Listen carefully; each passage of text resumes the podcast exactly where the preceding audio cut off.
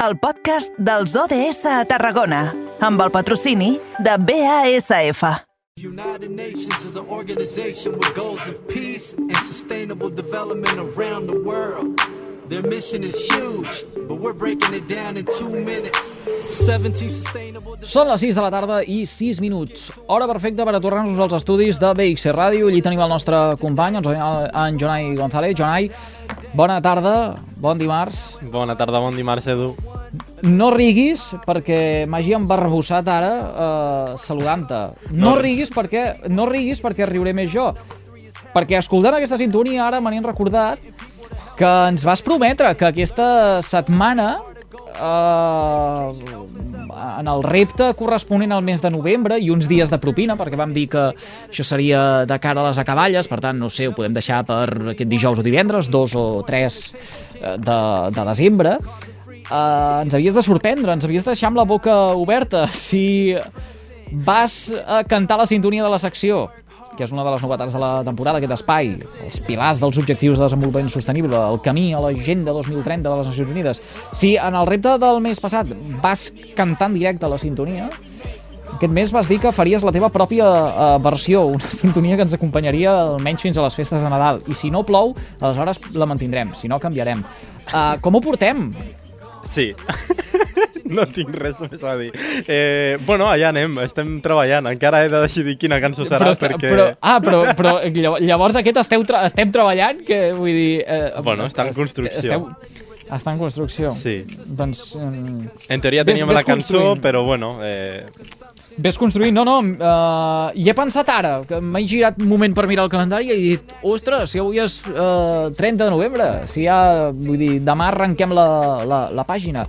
Uh, res, uh, uh, vés-hi pensant, vull dir, perquè, perquè ara sí que m'ho anoto, uh, per la seva immediatesa ja en l'hora de posar-te a, a prova.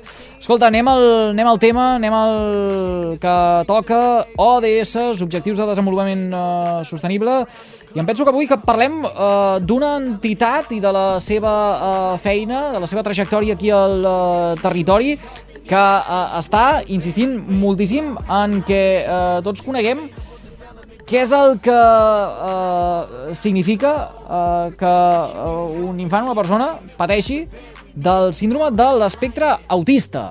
Mhm. Sí, avui parlem d'aquest trastorn que afecta el neurodesenvolupament dins l'espectre autista. Es tracta del, del trastorn d'Asperger i avui justament eh, ahir es presentava a Tarragona un podcast que, és de, que es diu Una manera diferente de ver el mundo, uns podcasts divulgatius eh, que proposa Aspercamp i avui precisament entrevistarem la seva directora d'aquesta associació, Laura Retxa. Molt bona tarda. Hola, bona tarda. Bé, primer de tot, per la gent que ho desconegui, no sé si ens podries explicar una mica què és el síndrome d'Asperger. Sí, doncs mira, el síndrome d'Asperger se pot considerar un trastorn de l'espectre de l'autisme de severitat lleu o moderada, no? És, mm, bueno, amb uns nivells de suport 1 i 2. Això és des de l'any 2013. Anteriorment, el síndrome d'Asperger pues, sí que era reconegut de forma independent, diguem, però a partir del 2013 es va incloure com un trastorn de l'espectre de l'autisme, que com bé has dit pues, és un trastorn neurobiològic que té el seu inici a la infància, que afecta aproximadament a un 1,5% de la població i que acompanya durant tota la vida. Uh -huh. I com neix la- l'associació d'Aspercam? Amb, amb quin objectiu? Pues mira, va néixer l'any 2010 perquè unes poques famílies del Camp de Tarragona, de la ciutat de Reus, de Valls, de Montblanc, pues bueno, tenien aquesta inquietud de que bueno, portaven molt temps donant toms que no sabien què els hi passava als seus fills, en aquell moment eren infants, van haver d'acudir a Barcelona i els van dir que els seus fills tenien síndrome d'Asperger.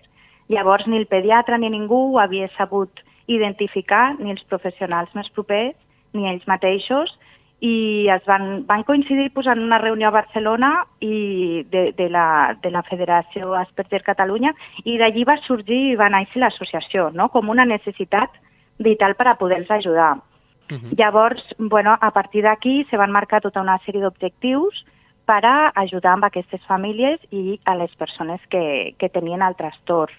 Aquestes persones sobretot tenen dificultats sociocomunicatives i uns interessos repetitius, no? Llavors, què es trobaven? Pues que l'administració pública, al igual que a l'actualitat, pues és un col·lectiu que està bastant desatès. No? Mm, en si, no és un, una malaltia, el que passa és que mm, si no tenen una bona adaptació a l'entorn, sí que pot produir una sèrie de comorbilitats com són l'ansietat, la depressió, trastorns alimentaris, no? Uh -huh. I, i, bueno, i és important que tinguin un actor proper i un diagnòstic l'abans possible per a poder tractar-ho adequadament, no? I que la persona no pateixi. Uh -huh. Suposo que també una mica la feina que feu és la que el, les primeres famílies que van crear Aspercamp no Sí. voldrien en aquest primer moment, que és mm, rebre de la millor manera o, o guiar-se de la millor manera després de rebre aquesta notícia. Bueno, per alguns també va ser una alliberació, perquè veus que tens un fill amb capacitats cognitives normals o superiors en la mitja, però no t'acaba de quadrar aquest patiment no? que, que, que t'està mm, reflexant en el seu comportament. Llavors, mm, molts d'ells sí que necessitaven el nom per a saber una miqueta què teníem que fer, no? Perquè també hi ha una part de la família pues, que se pot sentir culpable de no comprendre o de pensar de que no estàs educant adequadament, no? Perquè és tot molt comportamental. Eh, lo, que, lo que es percep des de fora, eh? Mm. Llavors, mm, bueno, mm, per una banda, de- cada cas és diferent, eh? Però les famílies en, en el seu moment ho van rebre com una alliberació, no? Com, com en, en, diguem, en, en, van començar a veure la llum per veure mm, on tenien que anar per millorar la situació. Uh -huh. Com és la vida d'una persona amb, amb aquest trastorn? Perquè suposo que si ja és complicada, eh, la gent com actuem eh, encara compliquem més les coses amb, amb, amb aquestes persones, veritat? Sí, sí, sí. Bueno, des de fora, la majoria de persones que no som autistes o Asperger, eh, els percebem com a persones peculiars, no? I ells, lo que, la majoria d'ells el que reflexen i, i s'entén molt bé al podcast és que tenen dificultats importants a l'hora de mantenir les relacions socials, no? En tots els sentits, tant a nivell més proper, familiar, que aquestes solen ser menors, però sobretot a nivell social, tant a l'escola com, com al món laboral, com en, en qualsevol activitat social, no? Llavors això ja genera una ansietat important. També la comunicació moltes vegades se alterada d'una manera o altra i bueno, és, és sobretot la dificultat aquesta sociocomunicativa i s'ajunta una miqueta amb, amb que tenen com uns interessos repetitius, no? que de vegades com els nivells d'ansietat quan estan més elevats pues, també fan de que, de que necessitin refugiar-se més amb aquest interès repetitiu.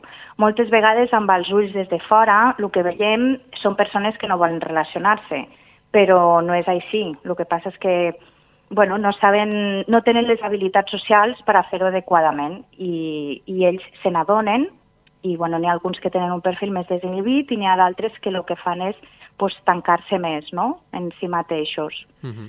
Cada persona és molt difícil explicar-te com és un dia a dia d'una persona amb TEA perquè cada persona dins del, del diagnòstic també és única, eh? però sí que la majoria coincideixen que, que en el que passen més ansietat és en entendre al seu entorn, perquè en definitiva és que el seu cervell és diferent i percep la informació diferent, per tant mm, ho processa de manera diferent. Uh -huh. I a partir d'aquí ells se n'adonen i el seu entorn també i els exclou, no? Sí. Ens trobem a les escoles en què es parla molt d'inclusió, però ens trobem amb professionals que no estan formats.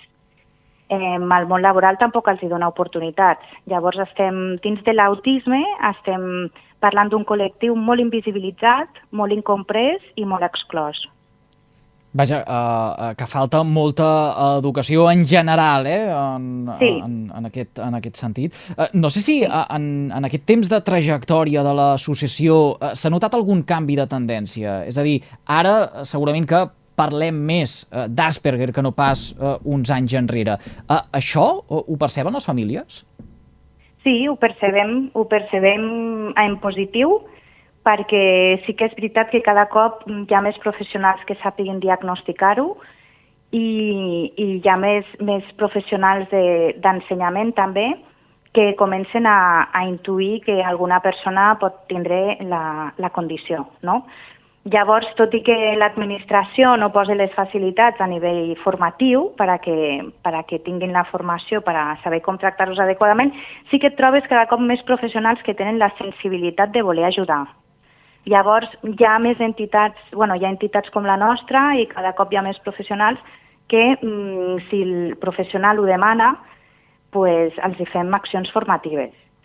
Mhm. Llavors, això també va molt bé. Nosaltres pensa que actualment estem acompanyant 400 famílies del Camp de Tarragona.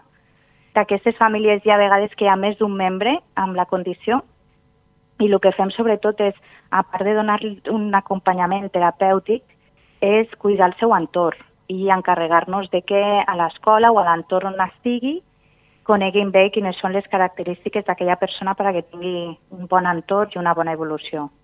Uh -huh. Ahí presentàveu aquest podcast mm, de- d'una manera diferent de ver el mundo. Eh, no sé com neix la idea de, de fer aquest, aquest projecte.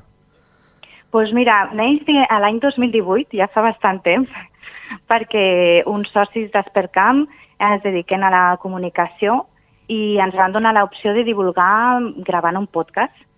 Llavors, en un principi tenia que ser per famílies, però mm, el que va passar és que la trobada va ser el 2018, el 2019 ens vam traslladar de seu perquè estàvem creixent moltíssim, també mm, els, els de l'associació Crea Comú també estaven acabant un doctorat, després va venir el Covid, no trobàvem patrocinadors i això ha fet que s'endarrerís el projecte quasi tres anys, no? De mentre hem anat buscant altres camins divulgatius, però aquest, bueno, ha estat molt desitjat i la veritat és que estem supercontents amb el resultat perquè ha quedat un podcast molt bonic, de molta qualitat, us convido molt, molt a veure'l. El Fort Tarracó Center ens ha donat també el seu patrocini, que això ens ha facilitat molt, i l'Ajuntament de Tarragona pues, també ens ha ajudat a, a divulgar-lo pues, perquè també estan veient que està costant molt de, de que la societat en general entenguem com són les persones amb, amb la condició. I, Fem bueno, i a cosa, partir d'aquí, pues, digue'm, digue'm. No, no, dic, farem una cosa que compartirem a través de les xarxes eh, Sí. del, del programa, de les vuit emissores, eh, la manera com eh, accedir en aquest eh, eh, podcast. No, va, jo volia esbrinar eh, eh, realment quines són les temàtiques o de, de, què és el que es tracta en aquests podcasts o quines són les idees que ara mateix es plantegen Sí. poder posar damunt la taula eh, en, en eh, cada un d'aquests àudios. Doncs mira, ara mateix en tenim quatre, en publicarem un cada mes. El primer mm, tracta sobretot de mm, com viuen les famílies. Hi ha una primera part de com viuen les famílies tenir un familiar amb l'Asperger, no? Què és per, le, per ells a l'Asperger? I després també intervé la nostra psicòloga, la Paula Morales, que és, està especialitzada en TEA també, que fa un petit incís molt breu i molt rigorós explicant realment de què es tracta, no?, la condició. I la segona part, que és molt potent, quatre persones adultes amb la condició hem agafades, per a que et facis la idea, un té 20 anys, l'altre 33, després una dona amb 44, que també és mare, i un senyor amb 56 anys, expliquen què, què ha sigut per ells, què és per ells viure amb la condició, en primera persona. Què és per ells l'Asperger, no? Com ho viuen? Llavors, bueno, és molt interessant. En un principi tenia que ser un podcast molt breu, però era tan interessant que al final dura 20 minuts, que tampoc és molt llarg, però bueno, però, però no, no podíem retallar perquè era tot interessantíssim, no?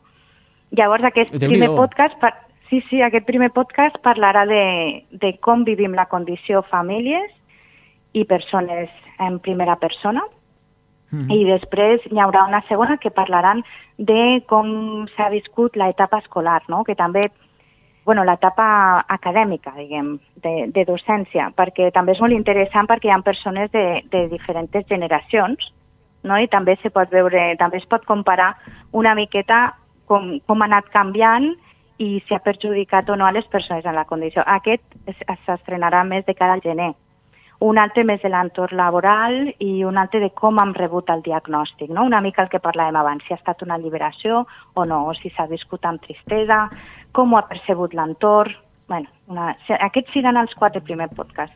I hem decidit fer-los en castellà també perquè l'associació Crea Comú també tenia molta demanda a Sud-amèrica de, de que allí ja encara hi ha més desinformació que aquí, no? Llavors hem decidit fer-lo en castellà per a que arribi el màxim de persones possibles. Mm. I, I algun comentari o algun input que s'hagi recollit ja en, entorn de uh, tot això? No sé si, uh, donat que es tracta uh, d'un projecte que tot just ara està començant a fer aquestes uh, primeres passes, uh, uh, hi ha feedback amb uh, el, el públic a qui hagi ja arribat una càpsula d'aquestes?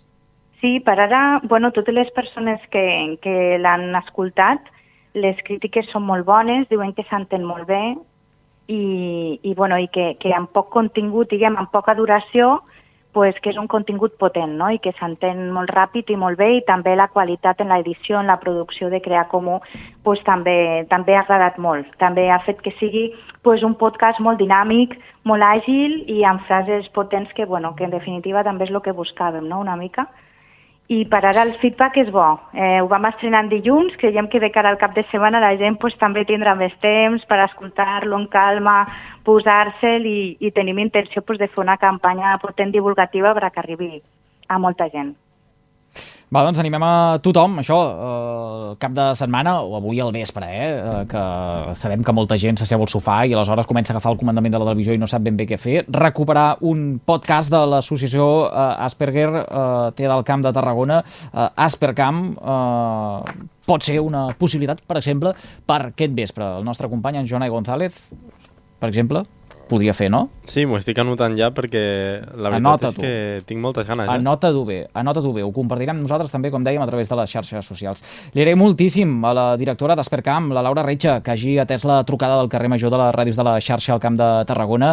Uh, uh, agraïts d'aquesta conversa, uh, que l'altaveu de carrer Major sigui còmplice també de tota aquesta uh, campanya educativa que es vol llançar des de l'entitat. Moltíssimes gràcies a vosaltres, perquè, bueno, sobretot es fa per això, i moltes gràcies pel vostre suport. Que vagi molt bé a reveure. Bona tarda. Igualment, bona tarda. Són un quart i mig de set, Jonai. Arriba l'hora de desvelar la solució a la pregunta del trivial que hem llançat a les 4 quan ens hi hem posat. Deixa'm que saludi de nou a la nostra companya, l'Iris Rodríguez. Iris, bona tarda. Bona tarda. Fem memòria. La pregunta d'avui té a veure amb les xifres. És l'eix vertebrador dels dimarts. Ens la recordes? En quin any es va crear l'associació Si jo puc, tu també, Epilep? A, el 2014, B, el 2016 o C, el 2018? 14, 16 o 18, Jonai? Doncs em sembla que és recent, així que diria 2018. Tu dius el 18. Sí. Pensa que ahir et van posar un gomet vermell. Ja. Uh, vull dir que vas començar amb el peu ja la setmana. Sí. A veure si avui Ara això ho de podem remuntar. reconduir. Estigues atent, Jonai, que vagi bé. A reveure, fins demà. Adéu, fins demà. Iris, qui ens ajuda a resoldre trivial? Doncs tenim a David Sanauja, president de l'associació. Molt bona tarda. Molt bona tarda. 2014, 2016 o 2018, en quin any es va crear l'associació Si jo puc, tu també, a Pilep? Doncs, com has dit tu, és molt recent. Ja ens agradaria tindre més anyets, però anem fent molta feina i el 2018. El 2018. Uh, vaja, no ho he dit jo, eh? ho deia en Jonai. Per tant, avui Iris recondueix el, el camí. Avui sí que li posem uh, gomet verd després de l'error que va cometre a la pregunta d'ahir que ens servia per iniciar la setmana amb la cultura com a protagonista. David, amb quina intenció verd, es va crear perquè- l'associació? Com, com? Que amb quina, amb quina intenció es va crear l'associació? Doncs naturalitzar i visibilitzar l'epilèpsia, que és una malaltia eh, que està molt estigmatitzada, invisible, perquè és una minusvalia invisible. Fins fa poc ara estàveu parlant d'Asperger, d'Aspercamp, però també és, és una altra associació també que visibilitza una malaltia que, que és invisible, que a la cara no ens passa res. Llavors, mitjançant esdeveniments esportius i mitjançant eh, activitats al carrer, intentem dir que estem aquí i que podem fer moltes coses. Com tu bé deies ara, eh, el proper 12 de desembre es realitzarà el primer Moute per l'epilèpsia. Explica'ns una mica on se celebrarà i en què consistirà. Doncs mira, el Mota per l'epilèpsia és un eslògan que el que pretén és dues coses. És que la gent es mogui, que la gent camini o balli o faci una proposta així de, de, de, de, que impliqui moviment del cos i el moute també vol dir fes alguna cosa, fes alguna per l'epilèpsia. no? Vull dir, no estiguis aturat, no estiguis, ai, bueno, com que jo no en tinc, per exemple, m'ho miro des de fora, o la gent que, que ho té s'ho queda eh, i, no, i no fa res, no? Surt al carrer i digue-ho, surt al carrer i fes alguna cosa. Aquest primer mouta per l'epilèpsia el farem pel port i serà una caminada popular inclusiva perquè pot vindre gent en cadira de rodes, pot vindre gent amb crosses. Un altre dia em van trucar i em van dir una que si podia venir en caminador. I tant que sí. I si no pots fer els 6 quilòmetres i en fas un o en fas mig, doncs en fas mig. No hi ha cap problema. I, i seria, doncs això, és el, per l'espigó del port, per tant, molt planet, a, a tots els nivells, i serien en total 6 quilòmetres. I el que pretenem també és recaptar fons per la recerca mèdica de l'epilèpsia. És un dels eixos vertebradors de, de la nostra associació, que és de recaptar fons per, per l'investigar, perquè és el que ens interessa, que hi hagi molts metges que investiguin, que trobin noves medicacions i que puguem tindre una vida doncs, el més quotidiana possible. I perquè no pugui assistir-hi amb aquesta caminata, també s'ha habilitat un dorsal zero perquè pugui fer una aportació, oi? I tant, i tant. Aquí hem pensat amb tothom i si hi ha gent que ens sent des de fora i el dia 12, mig en un munt d'activitats del dia 12, avui me n'acabo d'assabentar d'una altra, però diu, bueno, doncs volem també col·laborar amb Si jo puc, tu també, hashtag Epilep, i doncs eh, entrant a la mateixa pàgina d'Atlètic Event, que és on, on trauries el dorsal, eh, també a la pestanya de sota hi posa dorsal 0. Dorsal 0 són 5 haurets, un hauret menys, i és per, doncs això, per recolzar-nos, per ajudar-nos i poder seguir amb aquesta investigació. Queda dit, eh, tot plegat eh, s'emmarca el 12 de desembre, això és aquest diumenge, no, sinó el de la setmana que ve. Tindrem més oportunitats de recordar-ho, sobretot a les nostres agendes. David Sanauja, gràcies un dia més per acceptar la trucada del carrer Major de les Ràdios de la xarxa Camp de Tarragona. Que vagi molt bé reveure.